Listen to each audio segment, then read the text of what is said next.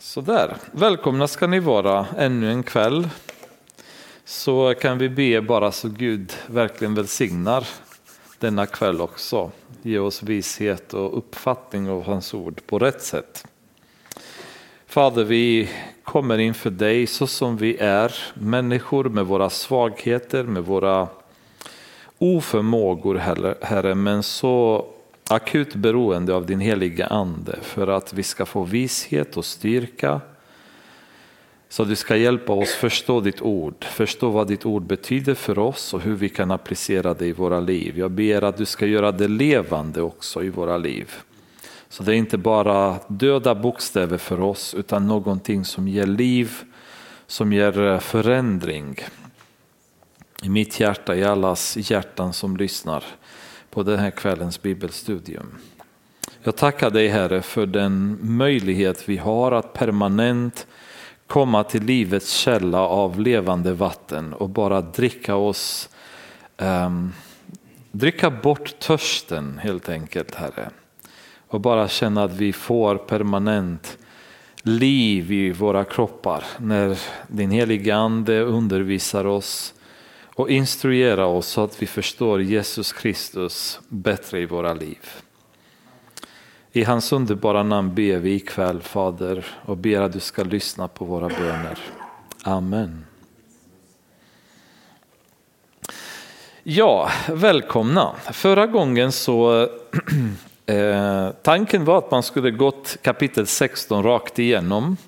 Men eh, det gick ju inte. Vi gick bara Eh, sista delen av 15 och sen kapitel 16 upp till vers 10.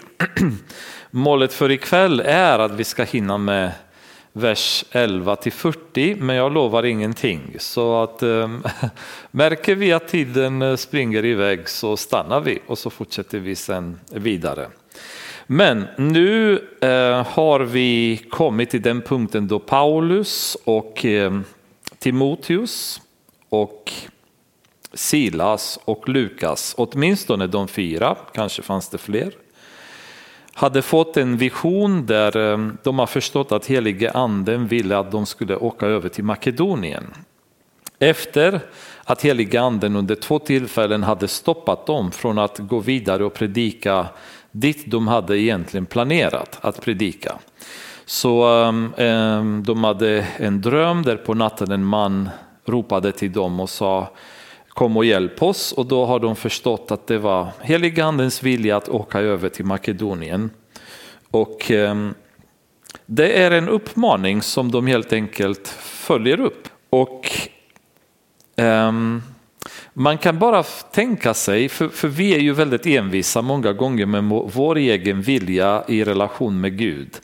Ehm, jag vet ju personligen situationer i mitt liv där jag tydligt har vetat Guds vilja och har gått emot den.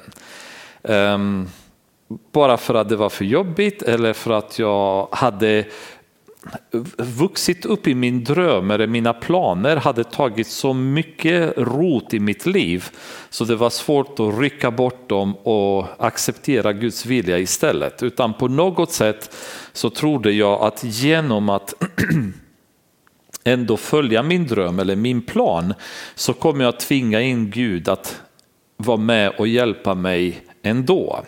Det var inte så utvecklat som jag säger det nu, utan det var mer en känslomässig sak på den tiden när man bara känner att det här känner jag för och det här vill jag verkligen göra. Um, och ibland så är faktiskt Gud så otroligt nådig så han ändå kan hjälpa oss, trots att vi går åt, åt fel håll och han försöker att göra det bästa han kan utav det den riktning som vi har börjat navigera i och så småningom börja få oss tillbaka på rätt väg. Men allt som ofta så gör han inte det. Utan han vägrar vara med, han vägrar medverka när vi inte är i hans vilja. Och man undrar vad hade hänt med Europa om Paulus hade envisats att gå enligt de planer han hade. Han ville, som ni kommer ihåg, hans planer var att evangelisera de här områdena Asien och Bitinien här uppe. Eh, men i båda fallen så säger heliganden nej. Om han ändå hade envisats och, och gå dit, vad hade hänt då? Hade han blivit dödad kanske? Hade han eh, eh, fått andra problem som hade resulterat i att evangeliet inte hade gått vidare på det sätt som Gud hade planerat? Hade Europa levt i mörkret betydligt längre tid än det har gjort annars? Det vet vi inte. Men äh, äh, Herren visade dem dock att han vill ha dem i Makedonien. Det som är också intressant det är att han visade dem ingenting annat. Vilket är någonting som vi väldigt mycket ogillar i vår relation med Gud. När Gud bara visar oss ett steg i taget. Det blir eh, frustrerande och vi blir gnälliga och vi, eh, vi tycker att det är jobbigt och vi har svårt att, eh, att gå därför att vi vill se hela planen. Mer eller mindre så har vi någon slags krav i vår relation med Gud att Gud ska visa oss hans vilja till fullo om vi ska följa det. Så det här med att vi ska gå i tro eh, är ju väldigt impopulär för väldigt många av oss. Vi vill inte gå i tro. Vi vill inte bara ta en liten del av vägen, vi vill se hela sträckan, vi vill veta exakt vad vi ska förvänta oss om det ska vara värt för oss att följa Guds vilja. Det är ungefär det resonemanget vi har i våra liv. Men så hade inte Paulus. Det enda de visste det är att Herren vill ha oss i Makedonien. De hade ingen aning om var i Makedonien, de hade ingen aning om vad Herren ville göra i Makedonien och jag vet inte om de hade några planer med vad Herren vill göra där. För det är också en sån grej som när vi får reda på vad Gud vill att vi ska göra så börjar vi sen planera själva. Och vi tänker att okej, okay, om om Gud vill att vi ska evangelisera det och det området, då har vi vår evangelisationsplan. Vi drar fram strategin, hur går vi tillväga, ehm, vilka metoder vi använder, ska vi dela ut flygblad, ska vi, ska vi dra upp, en konsert på ett torg någonstans, Eh, alltså vi har de här metoderna som någon annan före oss har använt eller som vi själva kanske använt vid tidigare tillfälle och visat sig vara framgångsrikt. Så brukar vi gärna sen ta till de här metoderna. Att, amen, vi vet att eh, när väckelsen i Toronto har kommit på det och det sättet så har de gjort på det och det sättet. Vi vet att när väckelsen har svept igenom i Brasilien så använde de sig av de här metoderna och vi vet att förr i tiden när väckelsen var i Sverige så hade de tältmöte och om vi har tältmöte idag då kommer vi dra skaror. Så vi har de här strategierna Eh, vi ser inte att de hade någon strategi alls och när vi ser resultatet av vad som hände senare så skulle jag säga att det är definitivt inte vad de hade planerat, även om de hade gjort några planer. Och det är det fascinerande men samtidigt det underbara med att följa Guds vilja, det är att vi behöver inte veta något och vi behöver inte planera något heller. Vi kan följa Gud, så låter vi honom ta oss dit han vill och nyttja oss på det sättet han vill.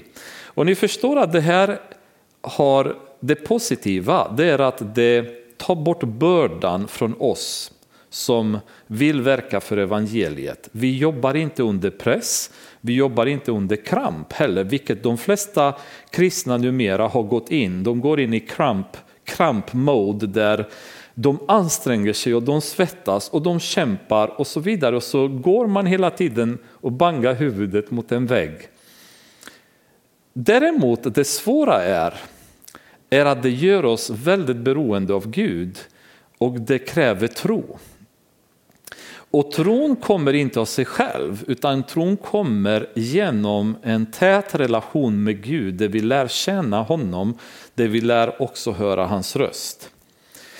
För jag vet inte om jag nämnde det förut någon gång, men om ni tänker så att säga medan vi sitter här ikväll så är det väldigt, väldigt mycket röster här omkring oss som talar.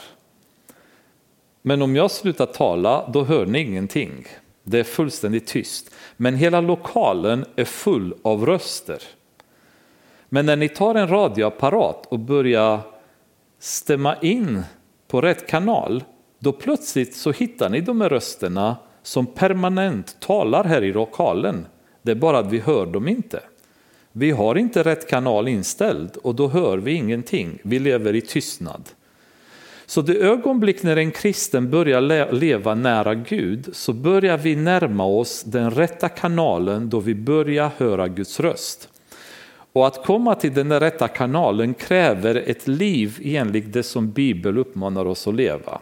Av närhet, av underkastelse till Jesus, av respekt för Gud som, som är vår Gud, av att följa honom, att hålla hans bud som Jesus uppmanar oss gång på gång att göra det. Och då börjar, då börjar vi stämma in i rätt kanal och då börjar vi slappna av. För då vet vi att Gud är i kontroll. Vi bara gör som han säger och så löser han de övriga problemen runt omkring. Utan tro är det omöjligt att behaga Gud, står det i Hebreerbrevet kapitel 11, vers 6. För den som kommer till Gud måste tro att han finns och att han lönar dem som söker honom. Utom tro är det omöjligt för oss att behaga Gud. Därför att tron som vi inte har, det betyder att vi inte accepterar Gud för den han är. Vi tror inte på hans löften, vi tror inte på det han, han har sagt till oss i Bibeln. Och om vi inte gör det, då kan vi inte heller behaga honom. Men då kan det vara svårt att räkna med att vi överhuvudtaget kommer höra hans röst eller kommer få någon ledning från honom när det behövs. Men hur som helst så i vers 11 så skriver Lukas så här. Vi, vilket innebär att fortfarande att Lukas är med i gruppen. Vi lade ut från Troas och seglade rakt över till Samotrake och nästa dag till Neapolis. Så det var en, en relativt kort resa härifrån Troas till eh, Samothrakeön Samotrakeön och sen över till Neapolis som var hamnen i nuvarande Grekland, dåvarande Makedonien. Då. En resa på ungefär ja, dryga 20 mil plus. Um, och um, därifrån tog vi oss till Filippi som är den största staden i den delen av Makedonien och en romersk koloni. I den staden stannade vi några dagar. Um, det intressanta är att på en dag så gjorde de den här resan som när vi ser sen när de kommer göra samma resa men från andra hållet tillbaka så tog den resan fem dagar. Um, och det är lite häftigt därför att plötsligt när man har heliganden i segeln så går allting så mycket smidigare, så mycket annorlunda jämfört med, med att inte ha honom.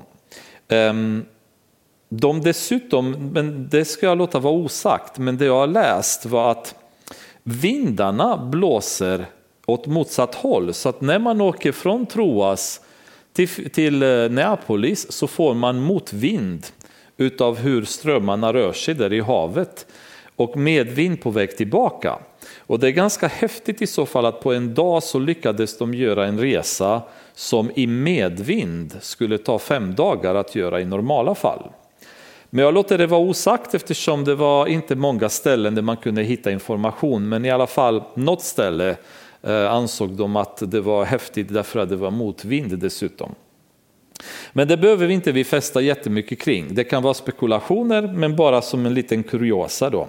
Men de hade tagit sig in till Filippi som låg ungefär 15 kilometer inland från kusten och som Lukas beskriver som den största staden i den delen av Makedonien och en romersk koloni.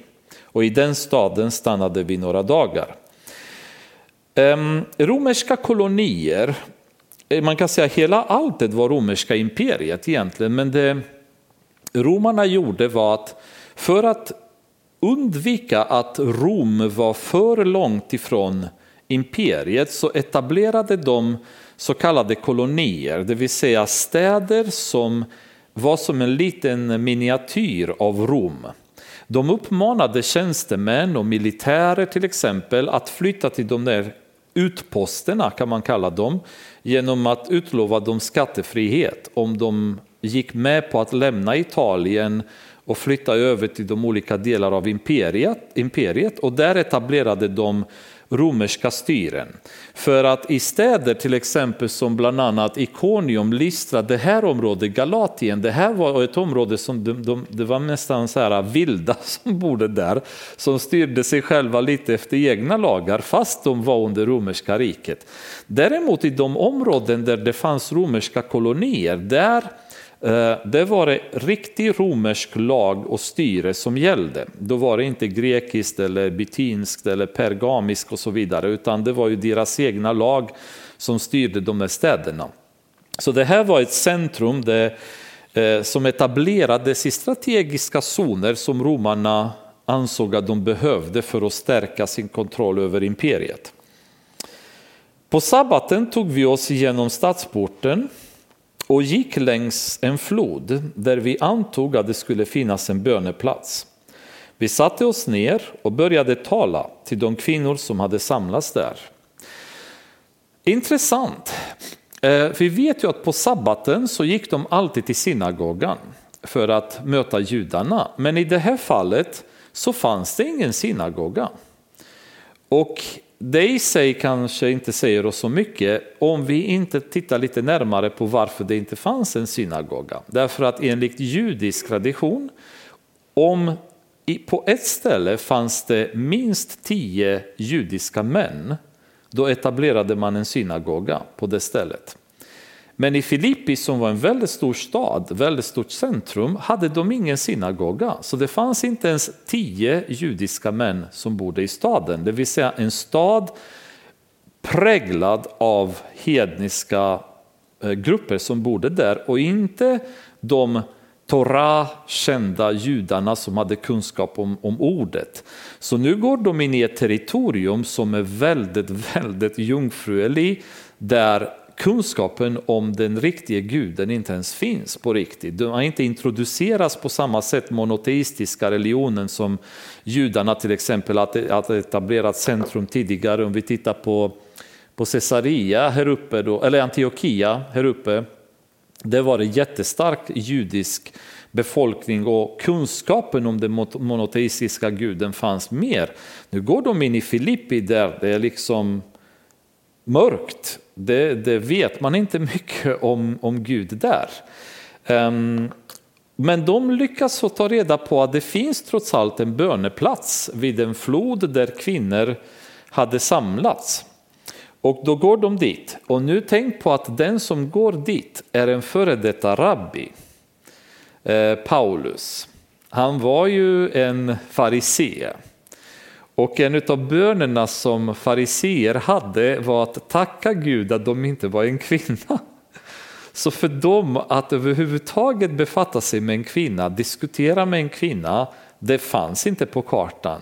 Men vi ser under den här tiden vilken förändring det har skett i Paulus liv, vilken annorlunda människa han har blivit från den han har varit till den han är idag, där han säger senare i hans epistlar, det finns, i Kristus finns det ingen jude och grek, man eller kvinna, utan alla, för alla är dörren öppen nu.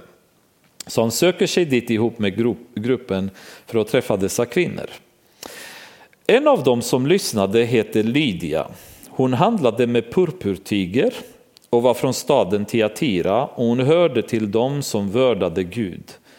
Herren öppnade hennes hjärta så att hon tog till sig det som Paulus predikade.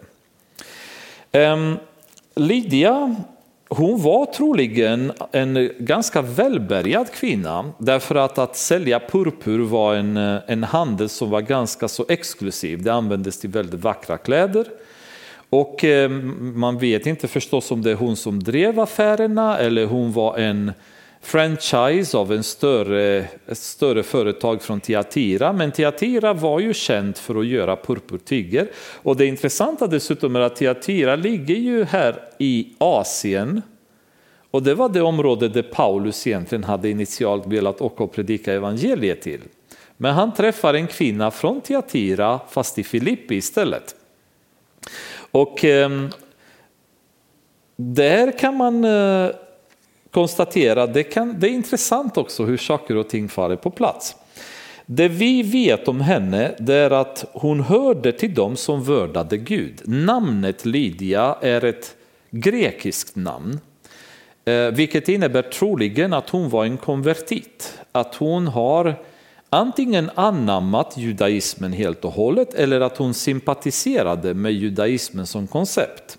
Och det gjorde tydligen en hel del kvinnor på den tiden därför att de flesta andra religionerna eh, nedvärderade kvinnorna mycket mer än judaismen gjorde. Så även om judarna själva såg ner på kvinnan i förhållande till mannen så var dock ännu värre i romerska religionerna eller grekiska där kvinnan var som en slav i huset i princip och ingenting annat. Och tydligen väldigt många kvinnor eh, Eh, anammade judaismen som var mer ehm, eh, befriande religion för dem som kvinnor än det var att fortsätta i sina dåvarande religioner.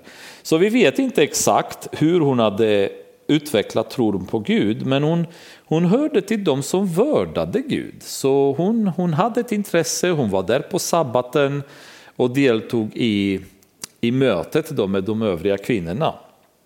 Och det är intressant också att det var bara kvinnor. Det fanns inga män i det där mötet. Och det kan också tyda på att de här kvinnorna var konvertiter, alltså de var ju före detta grekiskor som hade konverterat till judaism, men att deras män var inte lika intresserade och de sysselsatte sig med något annat. Och i parentes så skulle man också kunna stanna lite grann vid det här, därför att jag vet inte om ni har tänkt att även i, dåvarande, i nuvarande församlingar, även i vår församling, ehm, man märker mer och mer att det är svårare att få män och killar att intressera sig för Gud än det är att få tjejer och kvinnor. Och eh, som någon predikant någon gång sa, hur kommer kyrkan se ut framöver? Ska det bara vara kyrkor fulla kvinnor? Och jag skulle nog säga, vare sig det blir så eller inte, så är det prisa Gud i vilket fall, därför att människor kommer till tro. Men faktum är att eh, kvinnorna har haft en väldigt stor roll i explosionen av kristna församlingen i den tidiga perioden. Eh, det är de som har drivit fram väldigt mycket utav um, expansionen av kristendom. Vi har väldigt många namn i Bibeln om män som har interagerat och varit aktiva och varit stora så att säga i sin predikan och etablering av församlingar och så vidare. Men på golvet kan man säga, eller på botten som vi inte ser lika mycket så har det varit väldigt, väldigt många kvinnor. Även i Caesars hus, man ser att hela romerska rikets, eh, eh, eller Roms eh, kristnande har skett på grund av att fruarna till senatorer och till Caesar hade blivit frälsta kristna och övertygat till slut sina män att anamma kristna religionen. Och det är lite häftigt då, därför att ibland så, så kan man undra varför det är så, men eh, samtidigt, om det är så att en man inte har något intresse för Gud, då finns det inte. Om en kvinna vill komma till Jesus, då är dörren öppen. Och han kommer använda en kvinna precis lika mycket som man kan använda en man. Och eh, det urvalet som Gud har gjort genom Bibeln visar oss att många gånger har han prioriterat kvinnor i hans plan. Inte minst i Jesu genealogi. Man ser kvinnor som ingen någonsin skulle ha befattat sig med som är Eh, Eh, i stamtavlan hos Jesus som Rahab till exempel och så vidare. Så det finns ju en plan i Guds sätt att arbeta som inte alltid funkar så som vi tänker. Men männen var inte där i alla fall, men en grupp kvinnor. Men det jag skulle vilja stanna lite mer till där, det är ju det faktum att det står att Herren öppnade hennes hjärta så att hon tog till sig det som Paulus predikade. Så oerhört viktigt. För att när, när Adam syndade, när man, människan fick jorden från Gud i att ta hand om det, att administrera jorden, Vi, vi, vi fick vara um, ägarna till den här jorden. Och när mannen syndade så överlämnade vi jorden i Satans händer. Och vi kan gå, det vore roligt någon gång att ha, men kanske om vi kommer in i Uppenbarelseboken vore det kul att gå in i en djupare, ett djupare bibelstudium om hur jorden egentligen har fungerat från början och hur det kommer bli sen. Eh, men i grunden så är det Satan är den som äger jorden idag. Han är ju denna världens konung i Bibeln nämns som. När han frestar Jesus i öknen så säger han till Jesus, om du tillber mig så ska jag ge dig alla dessa riken. Och Jesus ifrågasätter inte honom kring huruvida han hade rätt att ge honom dessa, eh, dessa riken. Han bara ifrågasätter huruvida han ska tillbe honom överhuvudtaget. Då. Men han har kontrollen över denna jord. Och när han tog kontrollen över världen så förslavade han hela mänskligheten. Alla människor blev hans och han håller människorna döda och blinda. För det står i bland annat Romarbrevet att vi var döda innan vi mötte Jesus. Efesierbrevet på samma sätt berättar hur vi var döda.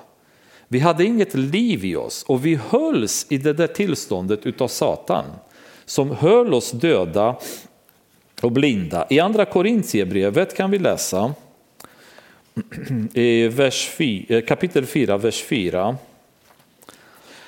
Där står så här, den här världens Gud har förblindat de otroende sinnen så att de inte ser ljuset som strålar från evangeliet om Kristi härlighet, han som är Guds avbild.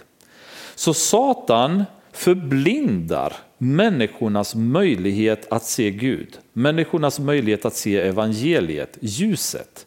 Och man kan tycka, hur är det möjligt att människor inte begriper? När man resonerar med dem och berättar om evangeliet för dem så borde det vara självklart att de ska tro. Och de fattar ingenting. Jag hade bara i, eh, ja, när var det, i, två veckor sedan när jag var borta på en eh, inköpsmässa så var det en av leverantörerna som jag snackade med och han vet att jag är kristen så vi kom in i en diskussion kring tro och så vidare. Och han är ganska så skärpt, ganska så intelligent. Ändå så, hans sätt att resonera var så konstigt så jag fick säga till och med till honom, alltså, men du som är så intelligent, hur kan du nu plötsligt resonera på det här sättet? Men det var, det var som, han var blind. Det var som att berätta för någon att det är så vackert ute och solen är så fin och naturen är så underbar. Han säger bara nej, det är bara svart, det jag ser ingenting. Och det är ju den här blindheten som Satan har slått världen med. Och i Efesierbrevet kapitel 2, vers 1-3 eh, står det följande. 2, 1-3. Också er har Gud gjort levande, ni som var döda, genom era överträdelser och synder. Tidigare levde ni i dem på den här världens sätt och följde härskaren över luftens välde, den ande som nu är verksam i olydnadens barn. Bland dem var vi alla en gång när vi följde våra kötsliga begär och gjorde vad köttet och tankarna ville. Av naturen var vi vredens barn, precis som de andra. Vi var döda, vi följde våra begär, vi levde i ett mörker och ett slaveri som Satan höll oss under med tvång. Och han hade rätt att göra det därför att vi har gett bort friheten över våra liv till honom genom att synda, genom att följa honom, genom att deklarera honom som vår ledare genom vår synd. Så blev vi hans egendom och han tryckte ner oss i död och i blindhet. Men för att en människa ska kunna börja se så krävs det en, något mycket mer än vad vi klarar av att göra med mänskliga krafter. Vi kan inte frigöra människor ur Satans händer genom vår egen intelligens, smarthet, smarta strategier eller vad det är nu vi utvecklar. Det finns inte en chans i världen att vi kan besegra um, ondskans andemakter med kötsliga vapen, med mänsklig intelligens, med mänskliga eh, resonemang, utan för att kunna bryta eh, de här kedjorna som håller människor fast så krävs det Guds ingripande. Det krävs helige andens kraft som kommer och lyfter de här locken för ögonen som folk har fått från Satan så att de inte kan se evangeliet. I sommarens berättelse så ser vi hur tre frön utav fyra lyckas Satan förhindra att de ger resultat. Så det är ju oerhört svårt att få evangeliet att slå rot i en människa och växa och ta över den människans liv. Eh, I de flesta fall så når inte ens frönen, alltså de bara rycks bort direkt. I andra fall så blir det att frön, fröna börjar få lite växt men sen kvävs de eller bränns de bort ganska omgående. Utav världens bekymmer, utav världens lockelser bland annat. Ehm, och Satan använder sig av alla metoder för att förhindra att evangeliet, som är nyckeln till att öppna de är locken för ögonen för människor, att evangeliet ska inte kunna nå fram till deras hjärta. För att det, när det når fram där, då kan det ge resultat. Så han gör så mycket för att förhindra det och han använder sig av alla möjliga metoder för att få evangeliet att inte komma in. Och för att kunna bryta igenom det så är det oerhört viktigt att vi ber. För det är vapnet som Efesierbrevet 6 säger att framför allt annat, framför Guds rustning, allt annat beror på den bönen med vilket vi omgiver våra liv med. Det är den som börjar ge resultat i vår andliga kamp och bryta de här kedjorna som, som håller människor fast. Så en församling vars böneliv är torrt eh, kommer förr eller senare dö ut. Det, det, är omöjligt att få förnyelse, det är omöjligt att få nya människor till tron därför att genom bön är det vi uppnår framför allt. Um, Romarbrevet 10.17 säger alltså kommer tron av predikan och predikan genom Kristi ord. Så för att människor ska kunna tro så måste någon predika för dem. Måste predika Guds ord, Kristi ord för människorna. Ehm, annars kan de inte tro. Ehm, I Romarbrevet 10 kan vi läsa, ehm, det, går, det blir några verser nu att plöja igenom. Och jag har ändå varit ganska restriktiv, att inte ta så många, men här kunde man ha tagit precis hur mycket som helst. 14 och 15. det står så där, vad ska vi då säga? Nej, nu var jag på, vers, på kapitel eh, 9. Kapitel 10 vill vi ha.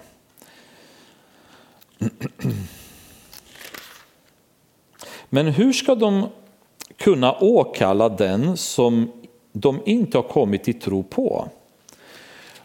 Och hur ska de kunna tro på den som de inte har hört?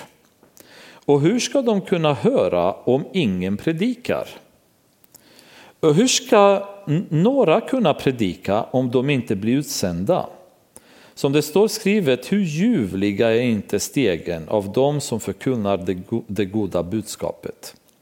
Så i två, på två ställen i Romarbrevet så pratas det om vikten av att få fram Guds ord till mänskligheten, att predika Guds ord, Kristi ord. Ehm, I första Thessalonikerbrevet kapitel 2 så är det en, en förstärkning kan man säga av, av det som Paulus tar i Romarbrevet kapitel 2, vers 3 och 4.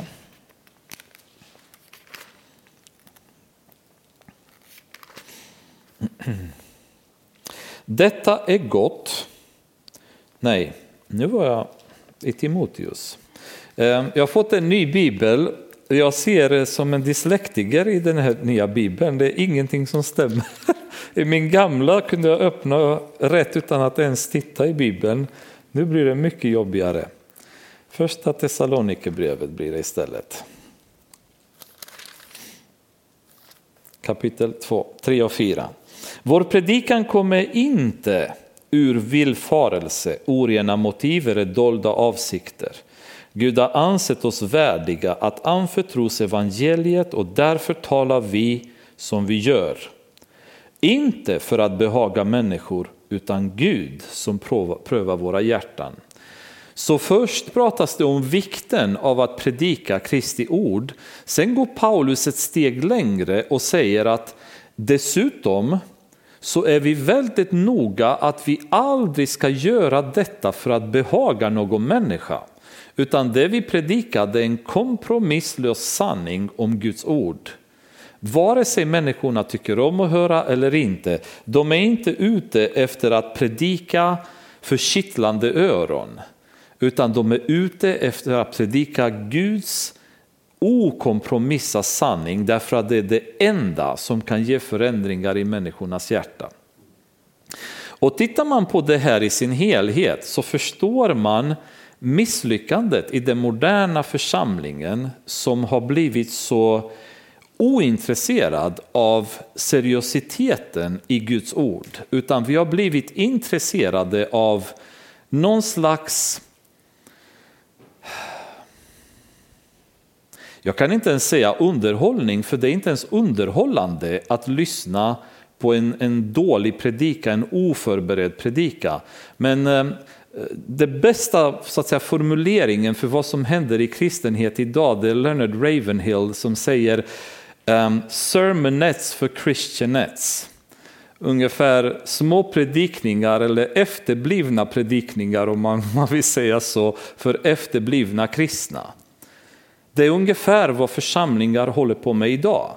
Um, det är skrämmande att se hur Guds ord har eliminerats ur församlingar samtidigt som vi läser ur Bibeln, samtidigt som vi pratar ur Bibeln, så finns det inget innehåll.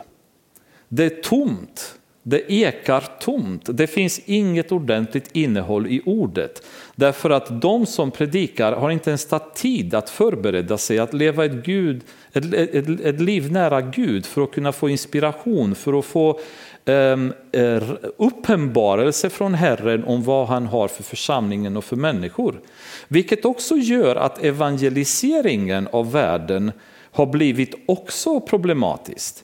För att istället för att människorna ska gå ut och vara fulla av evangeliets kraft och Kristi ord inpräntat i deras hjärta, så går de ut och pratar filosofier och ger traktater bara och eh, lite ja, lite så att säga lätta sätt att få människor att på något sätt lockas av kyrkan. Eller om du kan komma och lyssna på god musik. Eller det är så fint hos oss för vi har fika och så vidare. Det är liksom fullständigt felaktiga sätt att försöka locka människor till kyrkan igenom.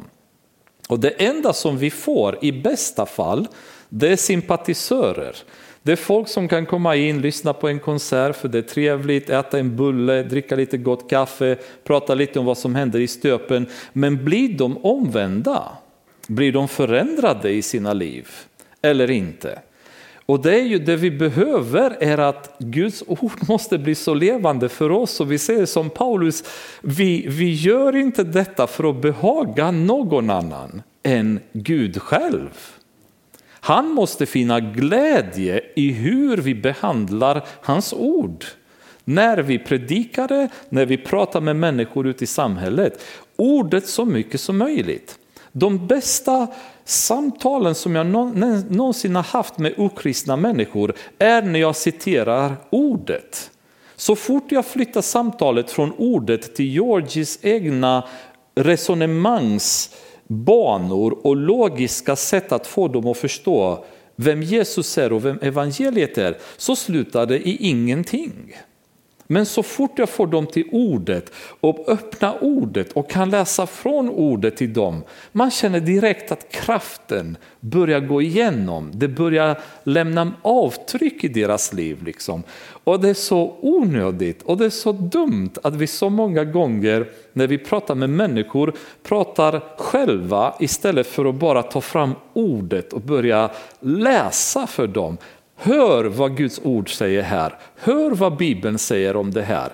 För så fort du börjar läsa de här passagen för dem, oh, det börjar bränna. Och det är det Satan är så fruktansvärt livrädd för, kraften i Guds ord. Han är inte rädd för min intelligens, han är inte rädd för min logik, han är inte rädd för min filosofi, men han, han är livrädd för Guds ord. För mot det har han inget verktyg. Mot bön och Guds ord har han inget verktyg alls. Och det är därför i församlingarna idag, det är de två områdena, om ni tittar noga, det är de två områdena som Satan attackerar församlingarna runt. Bön och ordet. Han är okej okay med att vi fikar, han är okej okay med att vi har någon konsert då och då, han är okej okay att vi har lite aktiviteter, vi kan spela boll ute på gräsmattan, vi kan göra vad som helst. Det funkar. Men snälla, inte be, inte fördjupa er i Guds ord, vad som helst, men inte det. Och detta är en trend som man ser i kristen modern församling i inte bara Sverige utan över hela Europa, över hela världen mer och mer, där ordet negligeras. Utan fokus är på eh, olika uttryck och kanske underhållning kan man kalla det, vad som helst. Men bara det är inte bön, bara det är inte ordet. Och ni ser ju själva om vi, om vi pålyser en konsert i kyrkan så måste vi ta in perra och se, se till att brandreglerna följs så att det inte det är inte för mycket folk i församlingen. Men när vi utlyser bönemöten, det är inte så att vi behöver ta in extra hjälp från brandkåren för att det, det kommer så mycket folk. Och det är ingen skuld som jag belägger någon som inte kommer med bön, till bönen med, utan det är bara ett tecken så att vi är vakna kring var djävulen attackerar oss och varför. Därför att det är de två vapen som man inte kan kämpa emot. Och det är väldigt viktigt att vi inte använder dem mot honom. Men Paulus han går och predikar evangeliet till Lydia. Men inte visste han att Lydias hjärta hade redan varit förberedd av Gud. Hon var redo, hon var förberedd. Men hon var fortfarande inte frälst därför att ingen människa hade predikat evangeliet för henne. Men nu när evangeliet äntligen kom fram, då tog hon emot det med öppet hjärta för att Gud hade förberett hennes hjärta. Och detta också eh, underlättar så att säga, för oss att förstå att bördan ligger inte på våra axlar. Utan vi är kallade att predika evangeliet. Resultatet sen kommer enligt det beslut som Gud har gjort före världens begynnelse. I Efesierbrevet så står det att vi är utvalda före världens begynnelse. Gud har förberett människors hjärta för evangeliet. Det enda vi behöver göra det är predika det. Och Gud kommer ge resultat därefter och sen kan vi göra de här människorna till lärjungar som kommer till tro. Men det är återigen, och vi sa det förut, det är ju problemet att vi som kristna vi både så och skörda samtidigt medan i Guds rike så funkar det inte så. Utan vi kan så nu och skörda om 20 år, vad vet jag?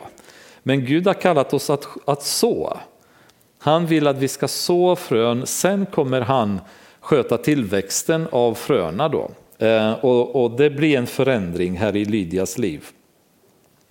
För när Paulus predikade evangeliet till ett hjärta som Herren öppnade, då blev det står i vers 15 när hon och hennes familj hade blivit döpta. Så de blev omvända, de blev döpta. Och då säger hon, om ni anser att jag tror på Herren, kom då och bo hemma hos mig. Och hon övertalade oss. Så uppenbarligen så fick de möjlighet att vittna även till hennes familj med samma goda resultat och de tar emot Jesus, de blir döpta. Men ehm, det roliga är lite grann vad vad hennes stil här. Hon var en affärskvinna trots allt. Då. Så hon, hon, eh, hon, hon sätter dem, så att säga, hon påminner mig nästan om en evangelister som ibland vill att människor ska komma fram efter deras predikan och ingen kommer fram. Eh, har ni varit med om några sådana möten? Jag har varit om flera sådana möten när de predikar och säger nu, nu ska ni, alla som vill ta emot Jesus kom fram och så väntar de att det hände ingenting så börjar de hetsa sig ännu mer. Att alla, alla som vill se sina liv förändrade kom fram och ja, då börjar komma strömma fram en, två, tre och de är ändå inte nöjda, de vill ha mycket mer fram. Och det, det häftigaste som jag varit med om en gång, han, han hade typ fem olika sätt att få människor att komma fram. Och det var liksom ingen stor entusiasm då. Och till slut så säger han, alla som älskar Jesus vill att ni ska komma fram. Och nu blir det problem, för sitter du kvar i bänkarna, det betyder att du inte älskar Jesus. Då, så då börjar folk strömma fram till predikostolen som bara den. Och hon, hon har lite grann den här stilen, hon säger till Paulus och gänget att om ni tror, om ni anser att jag, har, att jag tror på Herren, nu måste ni komma hem till mig. Liksom. Så vad säger man till det här? Kan jag säga nej, vi vill inte komma hem till dig, liksom, för att vi tror inte på det. Så en, en, eh, som någon pastor sa en gång, jag skulle vilja ha en sån kvinna i styrelsen, i styrelsen i kyrkan. Hon var skicklig helt enkelt på att övertyga folk att göra något. Och hon övertalade oss, stod det på slutet. Så förmodligen fanns det en viss motstånd, de kanske andra, hade andra planer, men hon övertalade dem, ni måste komma hem till mig. Eh, en kort liten berättelse, men väldigt härlig, med väldigt härligt avslut då kan man väl säga, när hon och hennes hus blir frälsta. En gång när vi var på väg till böneplatsen möttes vi av en slavflicka som hade en spådomsande och skaffade sina her herrar stora inkomster genom att spå. Hon följde efter Paulus och oss andra och skrek, de här människorna är den högste Gudens tjänare, de förkunnar för er en väg till frälsning. Så höll hon på i flera dagar, men Paulus blev upprörd och vände sig om och sade till anden, jag befaller dig i Jesu Kristi namn att lämna henne. Och i samma ögonblick for anden ut. De kommer skickade ut av heliga anden till Filippi ehm, och det enda de får fram det är ett, ett möte med några kvinnor där en kvinna och hennes hushåll blivit frälsta. Inte särskilt mycket att komma med kan man säga ehm, på en stor evangelisationsresa.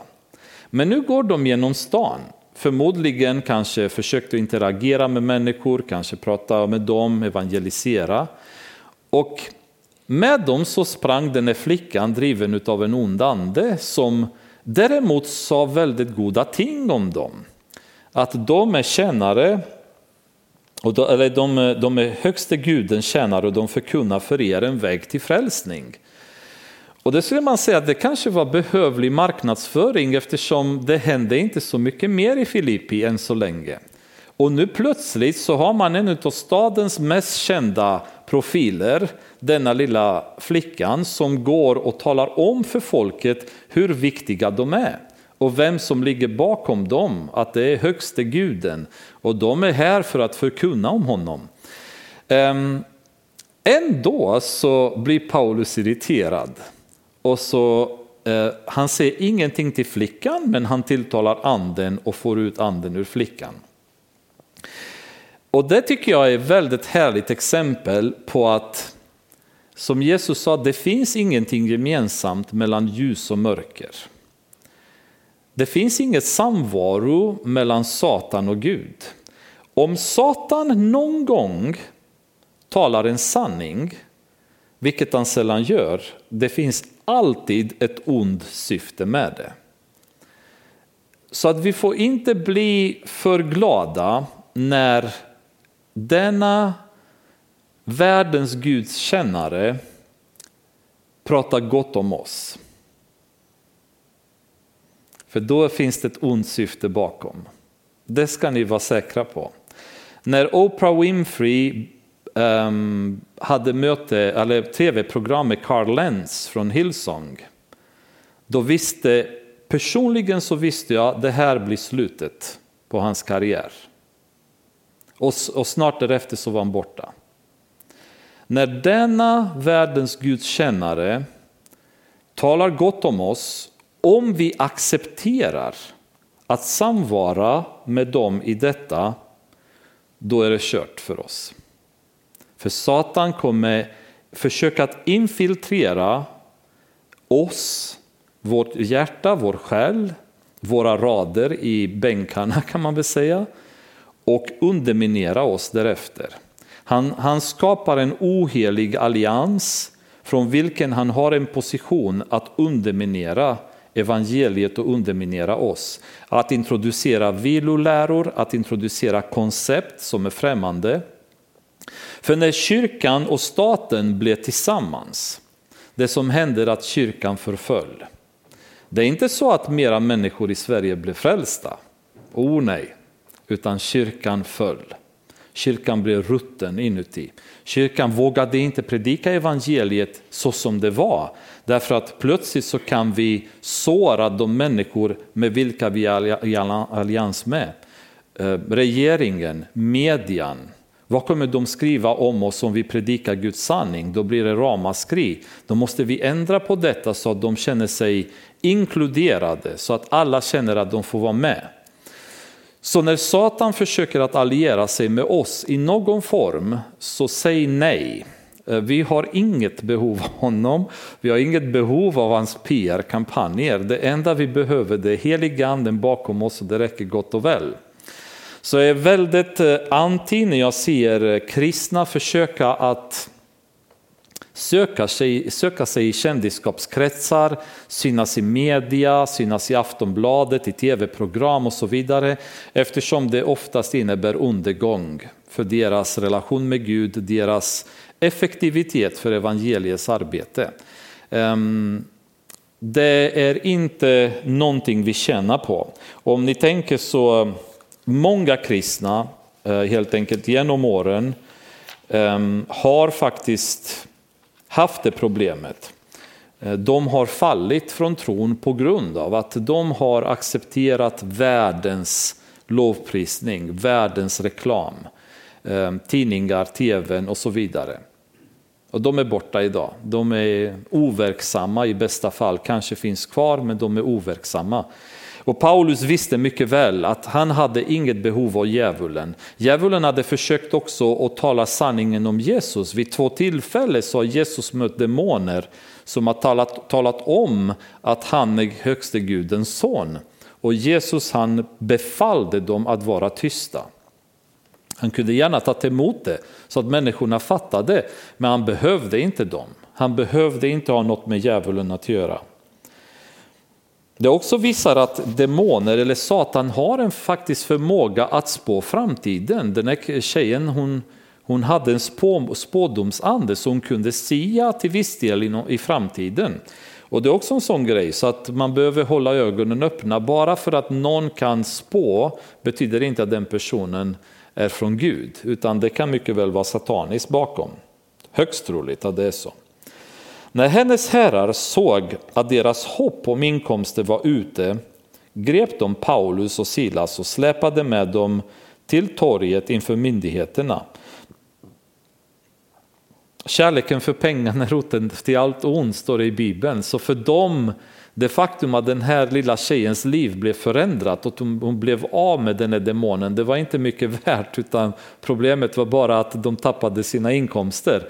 När Jesus kastade ut demonen ut, ut den här demonbesatta mannen och kastade dem in i grisarna, då blev folk arga och bad Jesus att gå därifrån.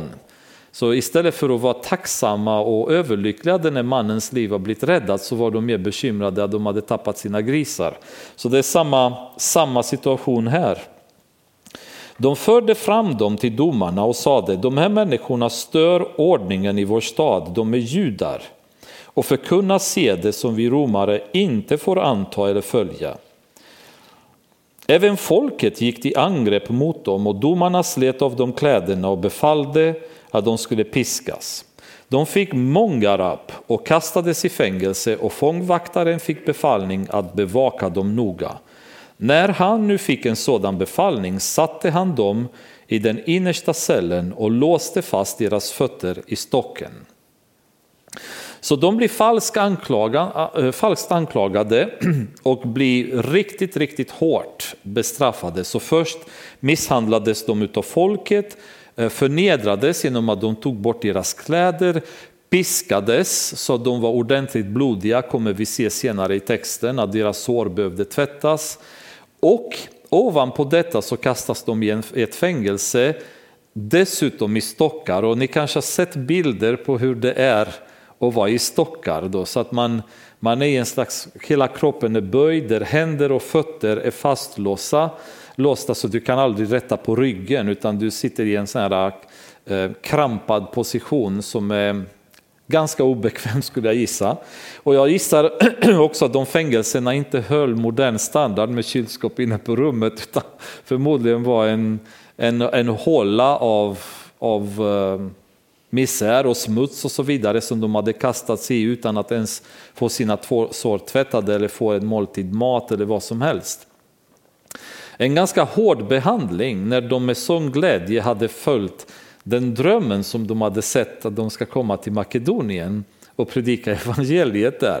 Och det enda de uppnår det är att de träffar en kvinna och hennes familj och nu ligger de i fängelset ordentligt slagna och misshandlade. Och det är ett tillstånd där många av oss idag kanske hade börjat tycka ganska ordentligt synd om oss själva och tyckte att det är riktigt, riktigt jobbigt. Vi kanske hade inte varit emot Gud eller tyckt att varför har han gjort så? Men vi hade nog alla haft det ganska tufft då. Paulus och Silas, de är inte riktigt så de tänker då. Jesus hade ju förvarnat oss i Matteus evangeliet kapitel 5 och jag undrar om sådana texter har Eh, funnits i deras huvud vid sådana tillfällen och inte bara dem men även andra som dem.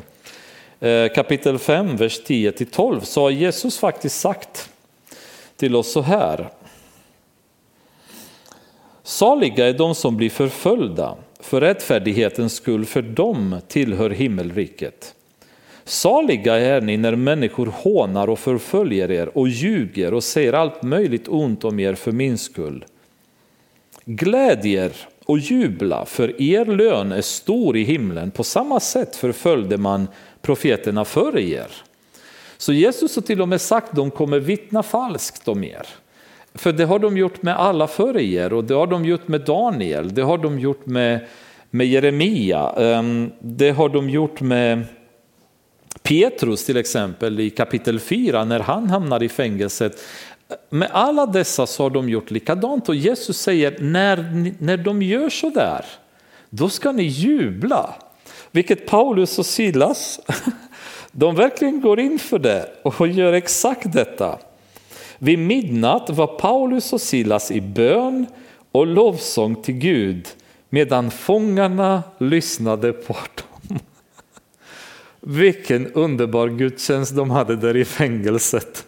Fångarna mitt i natten lyssnar på de här två människorna slagna, torterade, genomblodiga, sitter i stockar och de har bönemöte och så prisar de Gud och alla är med och lyssnar.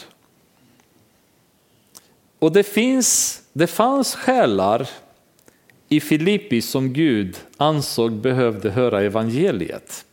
Och där fanns det några utav dem. Vi, vi är så mycket mer intresserade av att predika evangeliet på Stureplan. Vår moderna kristendomen går ut på det. Vi vill gärna predika till höguppsatta människor, till eh, människor med fina karriärer så att vi får trevliga människor i församlingen och så vidare. Men när man ser vilka människor som Gud är ute efter att nå, det är sådana som vi inte gladeligen åker till och försöker ens att nå. Ehm, de åker dit, Paulus är en farisé, han är slipad i det mest, mest avancerade sättet att resonera kring Guds ord.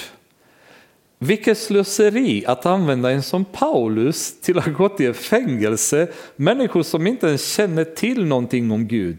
Jag hade skickat honom till filosoferna i Filippi, till statstjänstemännen, det är dit jag hade velat haft en som Paulus, inte i ett fängelse, inte i ett möte med några kvinnor vid en flod.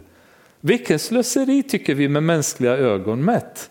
Men Guds plan är inte vår plan och Gud tänker inte som vi tänker. Och det är så, så häftigt att se hur Gud tänker frälsningens plan jämfört med hur vi föreställer det. Och jag kan lova att jag har haft så många tankar kring väckelse, vilka i stöpen jag skulle vilja komma till tro. Jag är helt övertygad om att det inte är de som kommer att bli. Det kommer bli något helt annat. Det kommer bli helt andra människor än, än kanske de jag hade tänkt mig eller de jag är bekvämast med och tycker det vore trevligast att ha er i kyrkan. Det är ofta så Gud arbetar.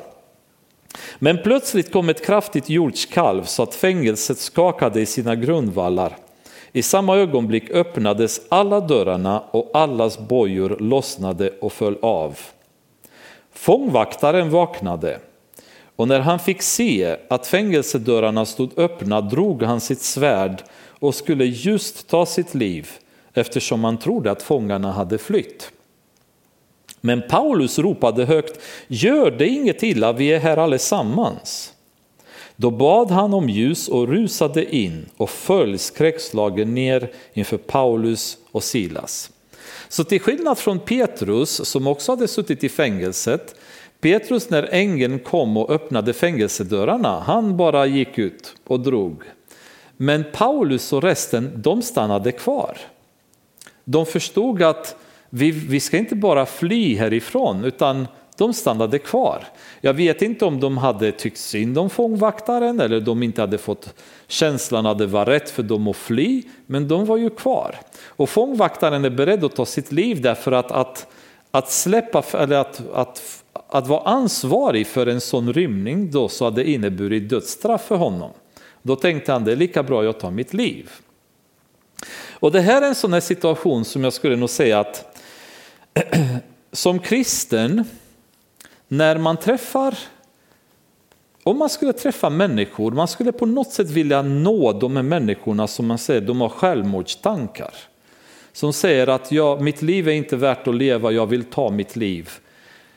Till sådana skulle jag vilja säga, skulle du inte vilja ge Jesus en chans innan du gör det? När du ändå inte värdesätter ditt liv längre, när du ändå inte vill vara här längre. Vad säger du om att ge Jesus en chans? Och se om det kanske funkar. För du anser inte att ditt liv är värt mer. Du behöver inte ha det längre, men tänk om. Där har vi en lösning. Och det är lite sån situation, han står där, han är beredd att ta sitt liv och de säger bara vänta lite, gör inte det, vi är kvar här. Han springer till dem, följer vi deras, eh, inför, följer inför Paulus och Silas. Sen förde han ut dem och frågade herrar, vad ska jag göra för att bli frälst? Och när den frågan uttrycks från ett hjärta som är tillräckligt brutet, då är frälsningens dörrar öppna. När man kommer till den insikten att jag måste bli frälst, vad ska jag göra? Då är det väldigt enkelt. Då behöver man inte sitta och filosofera och dra fram fem steg om du gör så här, om du gör så här. Utan då kan man svara enkelt så som de svarade, tro på Herren Jesus så blir du frälst. Du och din familj. Och de förkunnade Herrens ord för honom och för alla i hans familj. Redan vid samma timme på natten tog fångvaktaren med dem och tvättade deras sår och han döptes genast tillsammans med hela sin familj. Sedan förde han dem upp till sin bostad och dukade ett bord, jublande glad över att han med hela sin familj hade kommit i tro på Gud. Så innan var en hårdbarkad fångvaktare, han kastade dem i stockar, otvättade, utan mat, utan någonting. Och plötsligt så när han tar emot Jesus är han jublade glad och vad vad blir det för resultat av detta omedelbart? Det är praktiska handlingar. Han döper sig, hela hans familj kommer till tro och döper sig. Han tvättar deras sår, han matar dem, börjar plötsligt tänka annorlunda, blir en annan typ av person. Och det är ju alltid för mig märkligt när människor påstår sig vara frälsta. De påstår sig ha kommit till tro, men konsekvent vägrar att döpa sig. Jag skulle säga för vem som helst som tänker så måste man ställa sig en ordentlig fråga. Är jag verkligen omvänd?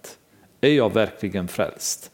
När jag konsekvent vägrar att göra det första som alla människor i apostlagärningarna har gjort när de har blivit frälsta, döpt sig omedelbart. Och om någon tycker det så, så måste man ifrågasätta om ens omvändelse är på riktigt eller bara i teorin. Därför att det borde komma så naturligt när man kommer till Gud att man vill döpa sig. Och innan vi, vi slutar så vill jag bara använda mig lite grann av de här två tillfällena, både Lydia och fångvaktaren. Det står att de, både de och deras hushåll blev döpta. Och de här två texterna används väldigt mycket av de som propagerar för barndop. Eh, det finns inget annat de använder, utan det är i princip de här två texterna de använder. Och det är att de säger att vi måste anta att i de här hushållen så fanns det också små barn.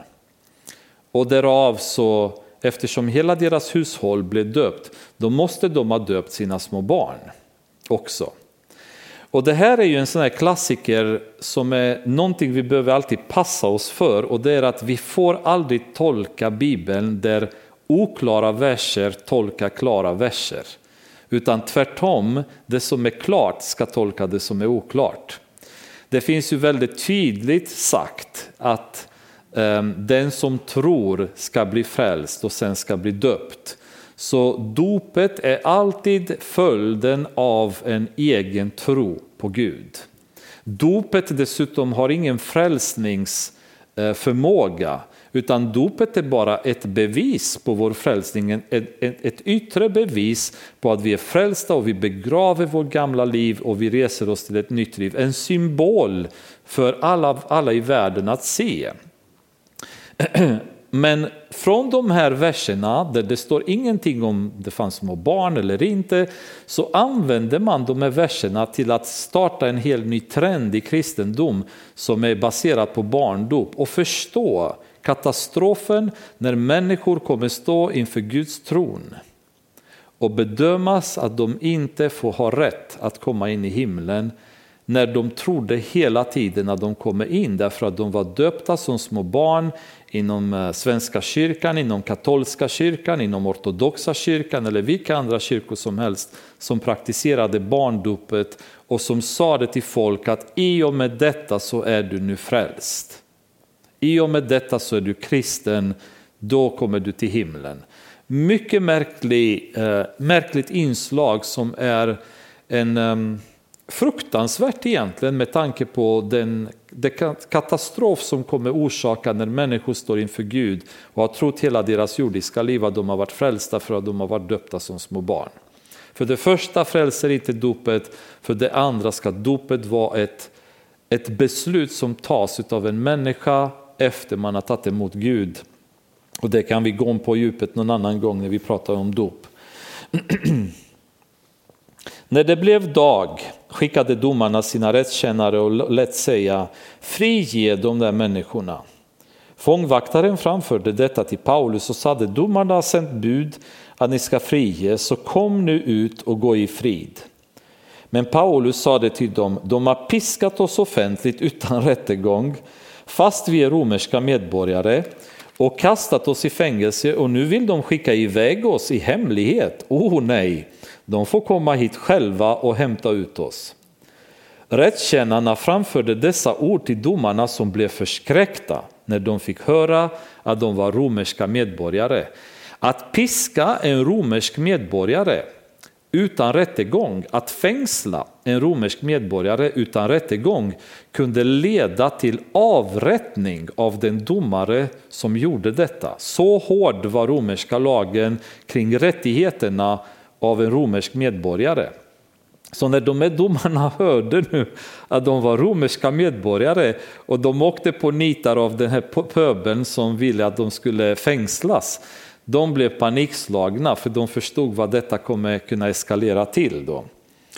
De kom och talade vänligt till dem och förde ut dem och bad dem att lämna staden. Men när Paulus och Silas var ute ur fängelset gick de istället hem till Lydia där de träffade bröderna och gav dem uppmuntran och tröst. Sedan drog de vidare. Det var evangeliets intåg i Europa.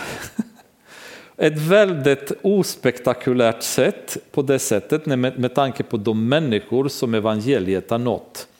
Eh, en fångvaktare och hans familj och en kvinna och hennes familj som vi vet med säkerhet har tagit emot Jesus och blivit döpta. Andra människor har hört evangeliet, vi har inget klart sagt om dem. Men det kan vi säga, det är att i och med dessa två familjer så blev en kyrka född i Filippi. Och i Filippibrevet kapitel 1, då säger Paulus så här, vers 3 till 6.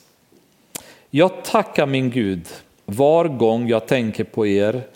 I alla mina böner för er, har, för, för er alla ber jag alltid med glädje eftersom ni har varit med i arbetet för evangeliet från första dagen ända till nu. Första dagen var när han träffade Lydia. Från första dagen, säger han, från den dagen när, när han träffade Lydia ända till nu när han skrev Filipperbrevet så har de hållit ställningarna, den här lilla församlingen där. Och jag är övertygad om att han som har börjat ett gott verk i er också ska fullborda det till Kristi Jesu dag. Det är så underbart att se detta. En församling som har startat på ett sätt som ingen av oss hade kunnat föreställa sig, förmodligen inte de själva. Ehm, det har varit genom lidande, men två familjer har tagit emot Jesus. Och det, detta har blivit ett brofäste för Gud att få in evangeliet in i Europa sen. I andra krönikebrevet kapitel 16, vers 9, det står för Herrens ögon sveper över hela jorden för att stärka dem som med sina hjärtan ger sig hän åt honom. Det räcker att Gud får tag på en fångvaktare och en kvinna vars hjärta är helt hängivet åt Gud, så gör Gud sen resten. Och det är så, det är så spännande. Det, Apostlagärningarna 16 är för mig en, ett härligt kapitel i Apostlagärningarna därför att det säger mig att det är aldrig omöjligt. Det är aldrig omöjligt. Det krävs en person, det krävs en annan person så Gud kan göra resten. Bara deras hjärta är hängivet åt honom. Sen blir det liksom bara history som de säger. Fader, vi tackar dig för att kunna se ditt verk, se ditt sätt att arbeta i våra liv som är ödmjukande för oss. Det talar om för oss att det sitter inte genom någon människas styrka eller kraft, utan det är bara genom din heliga Ande, Herre. Jag ber Herre för vår lilla församling här. Ibland sitter vi på möten och det känns bara, oh, är vi så få? Är vi så svaga? Fader, jag ber att du ska stärka var och ens hjärta som kommer hit. Uh, ung eller gammal, medelålder, rik eller fattig, man eller kvinna, Herre. Stärk deras hjärta och låt det vara hängivet helt och hållet till dig, Herre. Så att vi ser förändringar i våra liv och eh, förändringar åt andra håll där du anser att vi är värda för dig att använda, Herre. Jag tackar dig för de här exemplen som hela tiden gör det klart för oss att det viktigaste för oss är att söka oss till dig, komma hela tiden i din närvaro så att vi kan ta emot kraft, vi kan ta emot vägledning och vi kan stå eh, obefläckade och rena från synd, Herre. Så att du kan använda oss efter ditt behag. I Jesu namn ber vi över detta ikväll också. Amen.